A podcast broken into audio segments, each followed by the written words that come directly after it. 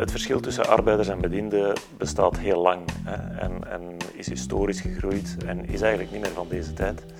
We noemen het geen evaluatiemomenten, maar eerder feedbackmomenten of gesprekken om inderdaad medewerkers op basis van een gekend opleidingsplan aan te duiden. Hier ben je goed bezig of hier is toch nog wel wat, wat extra effort nodig. U luistert naar de HR Magazine podcast. Een bekende journalist interviewt twee experts over een actueel HR-thema. Ze geven hun visie op de toekomst.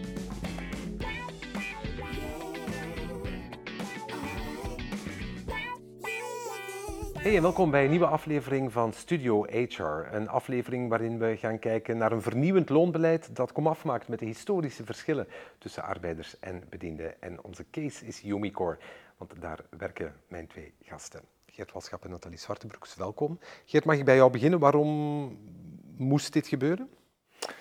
Dit moest niet gebeuren, maar het Jullie wilden dat het wij gebeurde. wilden dat zelf. Ja, ja, Ja, waarom wilde Umicore dat verschil wegwerken? Het verschil tussen arbeiders en bedienden bestaat heel lang hè, en, en is historisch gegroeid en is eigenlijk niet meer van deze tijd. Ehm, dus we wilden dat weg. Eh, we wilden geen ongelijkheid meer tussen arbeiders en bedienden. We zorgen, we hebben een cultuur van zorgen voor onze medewerkers en dat trekken we ook door in het loonbeleid. Dus vandaar eh, dat we dat eh, wilden wegwerken eigenlijk. Spreekwoordelijke iedereen gelijk voor de Ja, wet, een beetje ja, dat? ja, toch wel. Toch wel. Ja, Ja. ja. dat heeft meegespeeld. En misschien daarbij aansluitend, de overheid heeft een aantal jaren geleden ook een initiatief genomen om die verschillen te beginnen wegwerken. Dat is eigenlijk een beetje een stille dood eh, gestorven, maar wij hebben die draad toch opgepakt en, eh, en we hebben dat verder gezet en, en uiteindelijk ook geland. Had het er ook mee te maken dat arbeiders zich nog altijd een beetje de mindere voelen van bedienden, of zie ik dat nu verkeerd? Goh, ik zou zeggen, de, de, de verschillen tussen arbeiders en bedienden, zoals die historisch gegroeid zijn, arbeiders die doen handenarbeid, bedienden die doen Ja, ja, ik bekijk het ook heel dat, klassiek nu. dat, Hè? Ja. dat, is, dat is niet meer van deze tijd natuurlijk. Hè. Dus allee, een loonbeleid dat daarop gebaseerd is, dat, eh, ja, dat is voorbijgestreefd.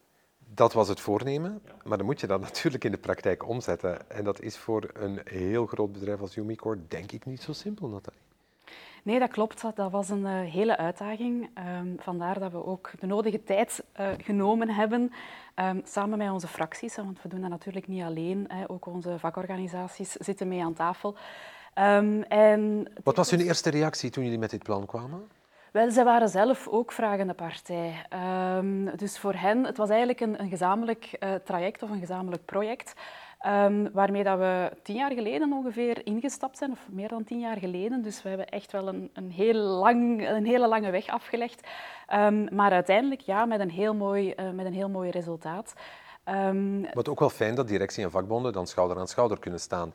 Jammer genoeg is het in de praktijk soms omgekeerd, dat ze tegenover elkaar staan, maar dat je dat samen kan doen, is denk ik wel een heel sterk element in, in zo'n change. Ja, absoluut, absoluut. Wat niet wil zeggen dat het altijd even makkelijk eh, gelopen is, omdat je natuurlijk, eh, ja, je zit inderdaad met directie aan tafel, eh, maar ook, ja, wat Geert verwijst naar de historische verschillen tussen arbeiders en bedienden.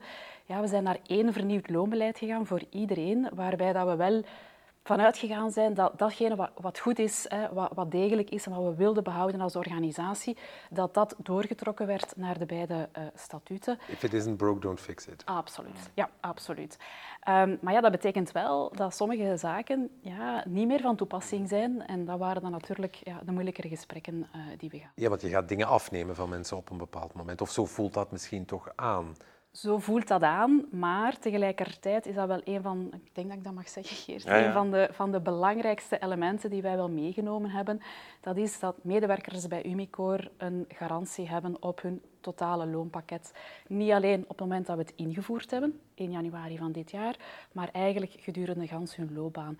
Dus medewerkers gaan er nooit op achteruit ten opzichte van datgene wat dat zij voorheen hadden. En, en dat is wel heel sterk. Ehm, En belangrijk, denk ik, want natuurlijk, je begint op een gegeven moment aan zo'n traject. Dat gaat een beetje de ronde doen in een bedrijf natuurlijk. Als je dan heel snel kan zeggen, kijk, maar we garanderen dat niemand erop achteruit gaat, dat brengt al wat rust, neem ik aan. Absoluut, dat is een voorwaarde om dit te kunnen laten slagen ook.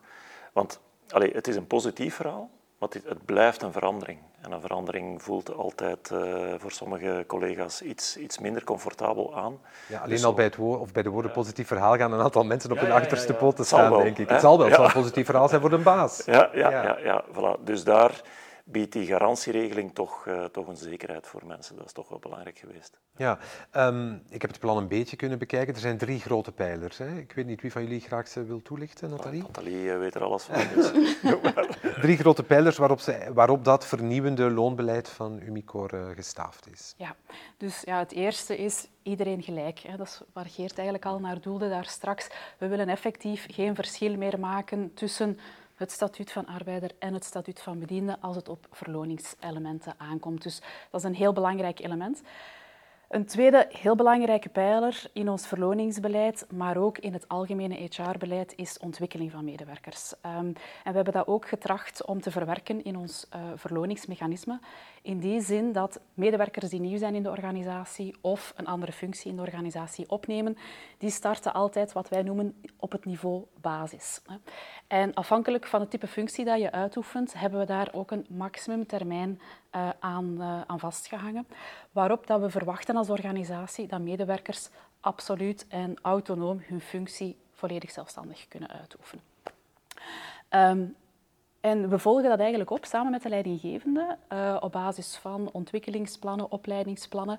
En uh, periodiek gaat er ook een feedbackgesprek plaatsvinden met de betrokken medewerkers. Maar dat is niet iets wat de medewerker alleen moet doen. Het is niet dat hij aan zijn lot wordt overgelaten. In dat groeitraject zijn er wel leermomenten ingepland, ik zeg maar wat, of, of, evaluatiemomenten waarop je kan bijsturen? Ja, absoluut. We noemen het geen evaluatiemomenten, maar eerder feedbackmomenten uh, of gesprekken om inderdaad medewerkers op basis van een gekend opleidingsplan um, ja, uh, aan te duiden. Hier ben je goed bezig of hier uh, is toch nog wel wat, wat extra effort nodig om uiteindelijk je functie goed eh, te kunnen uitoefenen. Dus dat is één belangrijk element. Natuurlijk in het kader van het verloningsbeleid. Hè, en trouwens, eens je uh, je opleiding volledig uh, doorlopen hebt, dan ga je naar wat wij het niveau professional noemen. Hè, omdat je dan volledig autonoom je functie uh, kan uitoefenen. Brengt ons eigenlijk bijna naadloos bij een andere pijler, dat eigen accenten leggen. Dat is eigenlijk al een stukje wat je daar doet, in die um, feedbackmomenten. Kan je ook zelf aangeven, maar ik voel mij hier niet comfortabel bij of ik zou dit of dat willen, zonder dat je de garantie krijgt dat het dan ook geregeld wordt. Mag je dat wel inbrengen? Dat kan je inderdaad inbrengen. Um, of dat je nu in je basis of in je professional niveau zit, bij Umicore kan je dat eigenlijk gedurende heel je carrière of heb je wel de mogelijkheden om daar inderdaad je eigen accenten te leggen. Ik wil mijn carrière in een bepaalde richting uh, laten, uh, laten evolueren. Dat kan absoluut zeker. Ja, dat is, uh, vandaar ook dat wij um, buiten het opleidingstraject in het begin van een carrière of het begin van een functie, hebben onze collega's van het Center Talent ja, ook een heel uitgebreide opleidingscatalogus, uh, waarbij medewerkers ja, ook uh, de nodige inspiratie kunnen, uh, kunnen uithalen over interessante opleidingen, competenties die bijgeschaafd kunnen worden en waarbij dan eventueel op basis van de catalogus of op basis van een gesprek met de collega's van talent gekeken kan worden hoe we daar als organisatie in kunnen bijdragen. Dat klinkt bijna als heel logisch allemaal,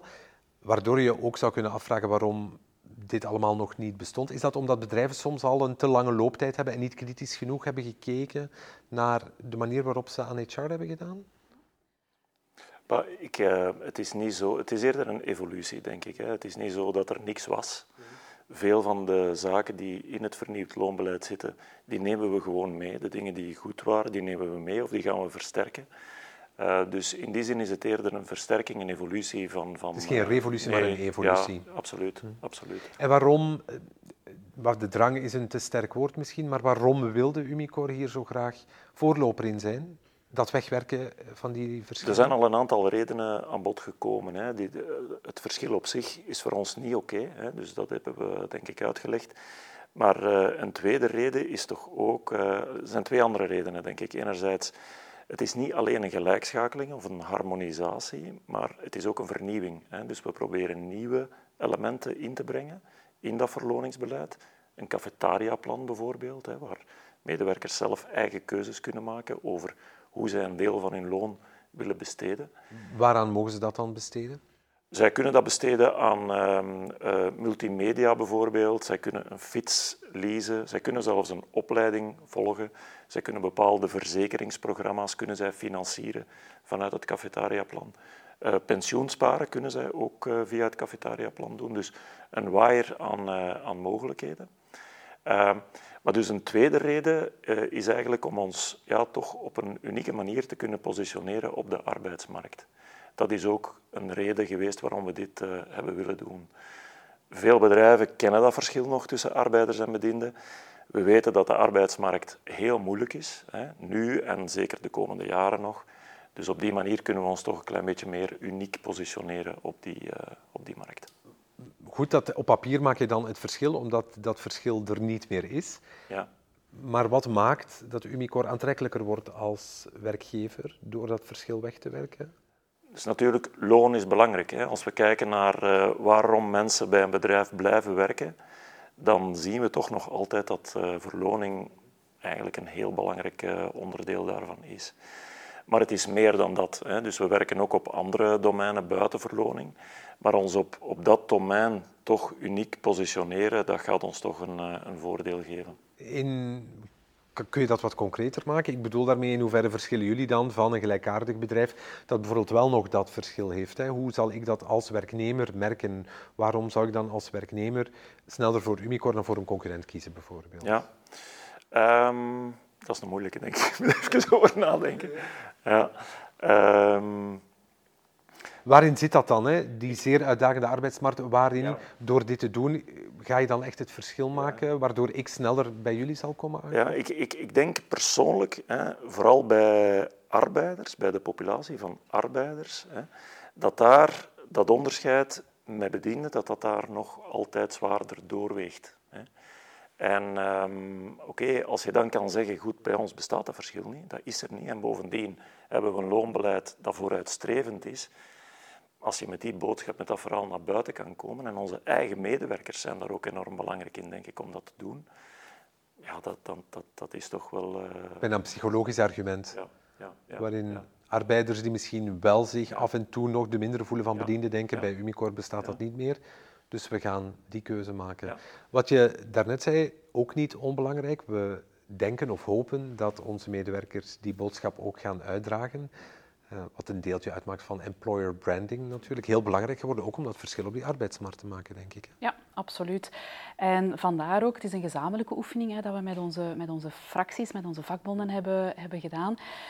Um, en inderdaad... Um, het is zoals Geert zegt, in alle eerlijkheid, het is niet altijd een makkelijke oefening geweest. Er zijn soms ook uh, ja, meningsverschillen geweest. Maar aan de andere kant, het is een heel mooi en wat ons betreft een heel positief verhaal. Uh, net omwille van ja, de verschillende, toch wel belangrijke elementen die we meegenomen hebben in dat verhaal. Het, het, het, gelijkheidsprincipe, het garantieprincipe, hè, voor onze bestaande medewerkers enorm belangrijk dat dat meegedragen wordt. De keuzevrijheid die uh, gegeven wordt in de samenstelling van hun loonpakket. Um, en misschien een detail, maar ja, toch ook weer niet, zou ik zeggen. De devil is in de details. Ja, um, als Umicore, als het over het cafetariaplan gaat, hebben wij ook een extra budget hè, dat we ter beschikking stellen jaarlijks aan onze medewerkers dat er gespendeerd kan worden in dat cafetariaplan. Dus dat, ook dat is een extra element, een nieuw element dat we toegevoegd hebben, um, ja, wat eigenlijk ook wel iets heel aantrekkelijk is, in die zin dat dat niet gekoppeld is uh, aan, uw, aan uw functioneren of uw functie. Hè. Dat is een gelijk bedrag dat eigenlijk voor al onze arbeiders en bedienden jaarlijks uh, ja, in het cafetariaplan ter beschikking is om hun eigen keuzes te kunnen laten maken. Ja, dat jullie er nu ook zo openlijk over communiceren. Jullie steken wel een beetje jullie nek uit natuurlijk, want het is niet altijd evident voor grote bedrijven, grote ondernemingen, om zich voor een stukje kwetsbaar op te stellen. Jullie hebben zelf al aangegeven, het was niet altijd rimpeloos. Het heeft ook tien jaar geduurd voor we er waren, maar wat er ligt is goed. Waar was het moeilijk? Waar kunnen anderen van leren van jullie? Ja, er zijn ongetwijfeld uh, heel veel leerpunten daar. Ik denk wat uh, heel belangrijk is, is om vanaf het begin van het traject. En eigenlijk, we, spreken inderdaad over een periode van tien jaar, maar het is echt intensief geweest de voorbije twee, drie jaar. Hè. Dus daar zijn we echt met de vakbonden uh, aan het werk gegaan. Ik denk de kans op slagen, um, die verhoogt alleen maar als je vertrouwen kan creëren rond de tafel. En dat doe je door van in het begin te zeggen waar, waar gaan we naartoe? Hè? Wat is de richting dat we uitgaan? En hoe gaan we met elkaar daar rond, daar rond werken? Dus die vraagt dat iedereen aan tafel het achter zijn tong laat zien in de allereerste vergadering ja, daarover. Ja, en in het begin is dat aftasten. Hè? heel duidelijk. Hè, dat, uh, die sfeer, en, en, en dat gaat wat op en af natuurlijk. Maar ik denk, het feit dat we bij elkaar gebleven zijn, dat we uiteindelijk akkoorden hebben kunnen maken, denk ik dat iedereen ook wel erkent van oké, die sfeer was goed, die openheid was er, dat, dat nodige vertrouwen was er. Voor mij is dat de belangrijkste factor om het te laten lukken, zoiets. Openheid ook, hè, over, over alles. Ook uitleggen, er zijn heel veel verschillende elementen in dat loonbeleid. Wat is de bedoeling van elk van die dingen? Ook uh, als vakbonden zeggen, hier kunnen wij ons echt niet in vinden, ja, ook luisteren ernaar, er iets mee doen of er niks mee doen op dat moment, dat zijn belangrijke dingen. Want het is, denk ik, in zo'n traject ook wel belangrijk dat je je niet verliest in anekdotiek, maar dat je altijd dat grotere plaatje blijft zien. Het is niet omdat je heel moeilijk over één maatregel heel lang discussieert dat meteen dat hele plan slecht is of slecht lijkt natuurlijk. En dat hebben we ook van in het begin gedaan. En Nathalie, we hebben, we hebben gezegd tijdens de eerste vergadering, hier zijn toch een aantal afspraken die we willen maken. Dat is de richting dat we willen uitgaan. En ik herinner mij dat we een aantal keer, en cours de route, zijn we erop teruggekomen. Hè, van, wacht even, we zitten nu in een discussie, laat ons even teruggaan naar de oorsprong, naar de basis. Waarom doen we dit? En dat helpt natuurlijk ook. Hè. Ja. Terugkeren naar, zitten we nog wel allemaal, of staan de neuzen nog allemaal in dezelfde richting? En is die richting nog de richting waar we tien jaar geleden begonnen zijn? Ja, ja klopt. En daar misschien bij, bij aanvullend, ehm, het is een, een project van een giga-omvang geweest, als ik het ja, zelf hoeveel, mag Over hoeveel medewerkers gaat het? Meer dan 2600 medewerkers zijn betrokken. Dat is een gigaproject, ja. ja. Maar ook giga in de zin van de enorme hoeveelheid aan onderwerpen dat we aangeboord hebben. Het gaat niet alleen over maandloon, het gaat ook over de dertiende maand. Het gaat over alle mogelijke vormen van premies en vergoedingen. Het gaat over arbeidsduur, hè, die dat we ook aangepakt over hebben. Welzijn, het gaat over welzijn, het gaat over een opleiding, het gaat over een invoering van een cafetariaplan, het gaat over aanpassing van verzekeringsproducten. Dus ja, het hele scala eigenlijk aan alle loon- en arbeidsvoorwaarden hebben we aangeraakt. En in die zin, um, dat is waar Geert naar uh, verwijst, wij hebben dat intern onze doorbraakvergaderingen genoemd. En op de eerste vergadering hebben wij inderdaad gezegd van oké, dit is onze agenda en dit zijn de verschillende topics. We geven jullie onze visie over waar we naartoe willen als organisatie. Laat het even incijpelen, want het is veel informatie. En we hebben ook de nodige um, ja, feedbackmomenten voorzien hè, nadat het geheel uh, uitgetekend was. Want het was gewoon ook te veel om, bij wijze van spreken, op één vergadering even uit te leggen welke richting dat we gingen uitgaan. Ja, het is zo typisch iets, als je, als je wat gaat morrelen in de marge en het half gaat doen, dan wordt het niks. Dus je moet eigenlijk, hoe groot de taak ook is, op zijn, of in zijn geheel bekijken. Je kan niet zeggen, we gaan alleen die derde maand aanpassen, want dan zet je andere dingen in gang natuurlijk. Ja, ja, absoluut. En dat is ook de boodschap dat we altijd meegegeven hebben. Kijk naar het geheel het is één globaal verhaal en op sommige elementen ja, zal er misschien een aanpassing zijn, op andere niet. Um, ja, het is, het is het geheel dat telt.